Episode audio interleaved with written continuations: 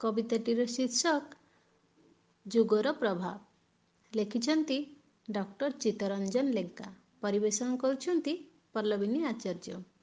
କହନ୍ତି ସହଜେ ଯୁଗର ପ୍ରଭାବେ ଓଲଟା ସବୁଲା ଗଇ କାହା ଦୋଷ ଏଠି ଟିକେ ହେଲେ ନାହିଁ ଯୁଗ ସବୁ କରୁଥାଇ ଯଦି ଏହା ସତ୍ୟ କୃଷ୍ଣଙ୍କ ନିଃସୃତ ବାଣୀ କି ଅଟଇ ଭ୍ରମ କରମ ନ କରି ଯୁଗ ଦୋଷ ଦେବା କୁହ କେଡ଼େ ସମୀଚୀନ?